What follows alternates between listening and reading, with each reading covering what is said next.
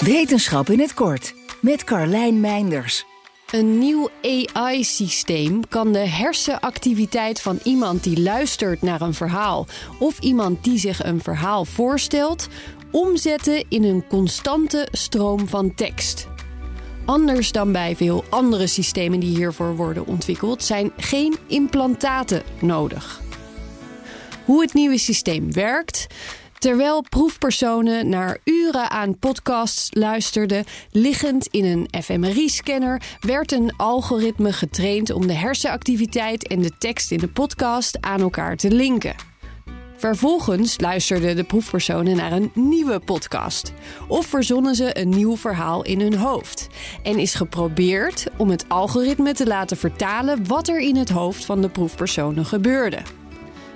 Het resultaat is niet een woord-voor-woord transcriptie van het verhaal, maar het komt in sommige gevallen al aardig in de buurt.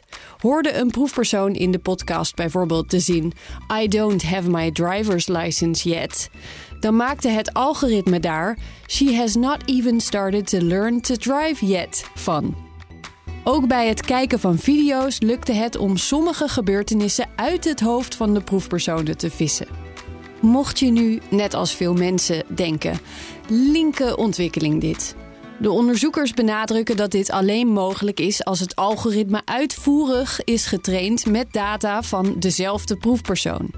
En dat zodra iemand opzettelijk niet meewerkte aan het uitleesexperiment, bijvoorbeeld door expres aan andere dingen te denken tijdens het luisteren naar een verhaal, de data niet te gebruiken waren. Uiteindelijk hopen de onderzoekers patiënten met spraakproblemen te kunnen helpen om toch te kunnen communiceren.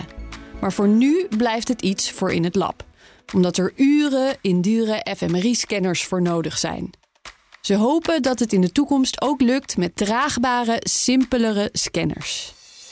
Wil je elke dag een wetenschapsnieuwtje? Abonneer je dan op Wetenschap vandaag. Spotify is partner van Wetenschap vandaag. Luister Wetenschap vandaag terug in al je favoriete podcast-apps.